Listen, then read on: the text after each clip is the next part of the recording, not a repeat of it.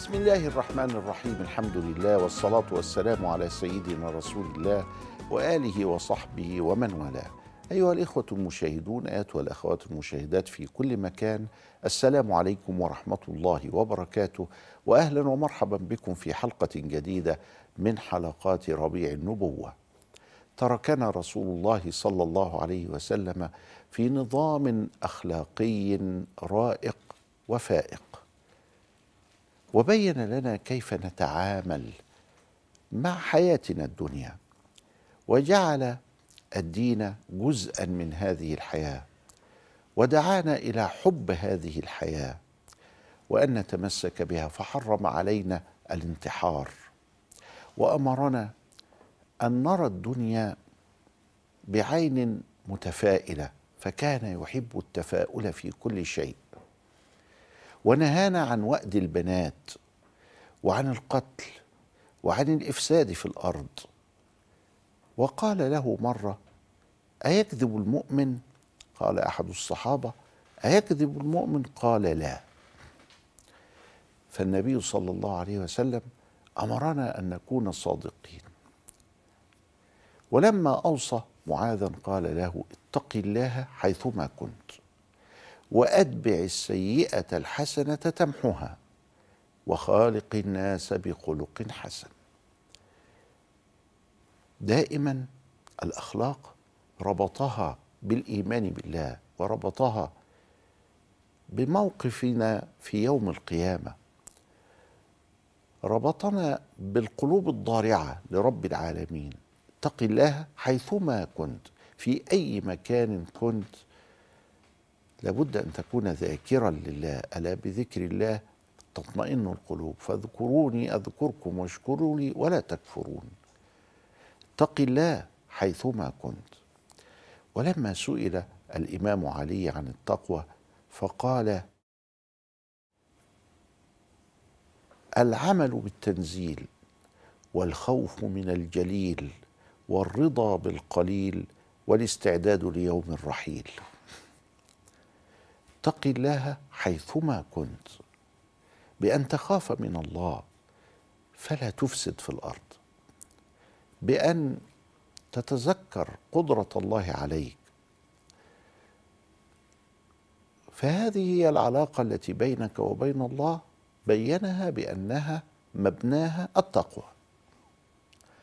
العلاقة التي بينك وبين نفسك يقول فيها رسول الله صلى الله عليه وسلم كل ابن آدم خطاء وخير الخطائين التوابون.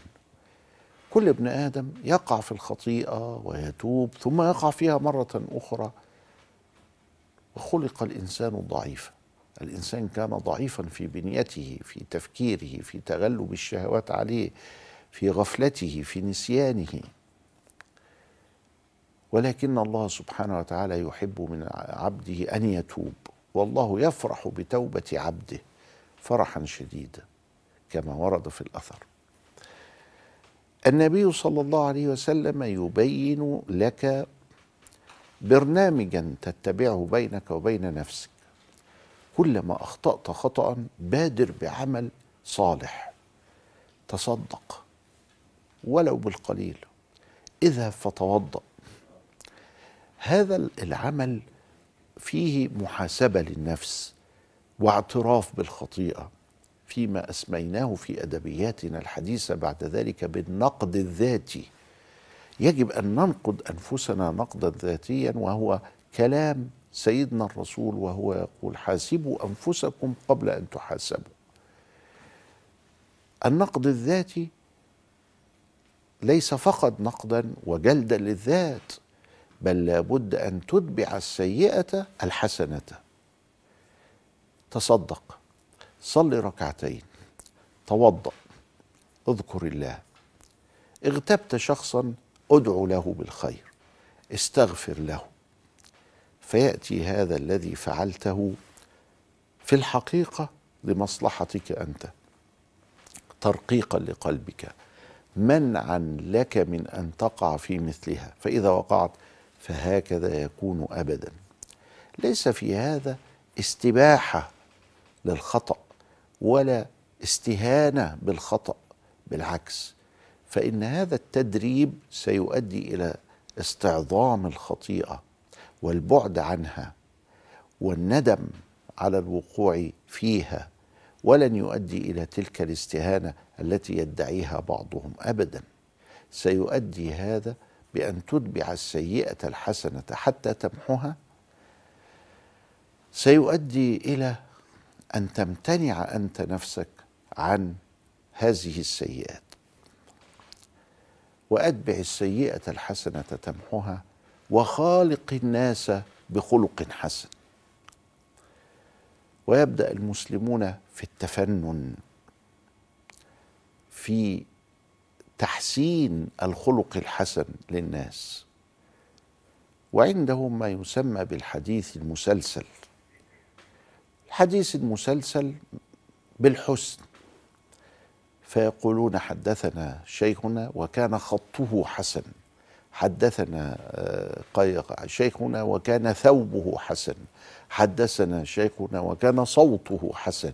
يعني يبحثون عن مواطن الجمال في الرواه. عن الحسن عن أبي الحسن الحسن ابن علي أبو الحسن اللي هو سيدنا علي بن أبي طالب. عن جد الحسن صلى الله عليه وآله وسلم النبي جد الحسن الحسن عن أبي الحسن عن جد الحسن. انظر طريقة المسلمين في العرض. أحسن الحسن الخلق الحسن. دعانا إلى الخلق الحسن. ترك لنا ميراثا جميلا. كل خلق حسن وكل خطة رشد تأتي يأتي بها أحد من العالمين فنحن نوافق عليها. لماذا؟ لأن النبي صلى الله عليه وسلم أمرنا بهذا وبين لنا أن هذا الحسن والجمال والحب والرحمة وتلك الأخلاق إنما نبتغي بها وجه الله مخلصين له الدين. ولو كره العالمون لكننا لا نعامل احدا في الأرض إلا من خلال الله الذي خلق والله الذي أهدى والله الذي هدى. إلى لقاء آخر أستودعكم الله والسلام عليكم ورحمة الله وبركاته.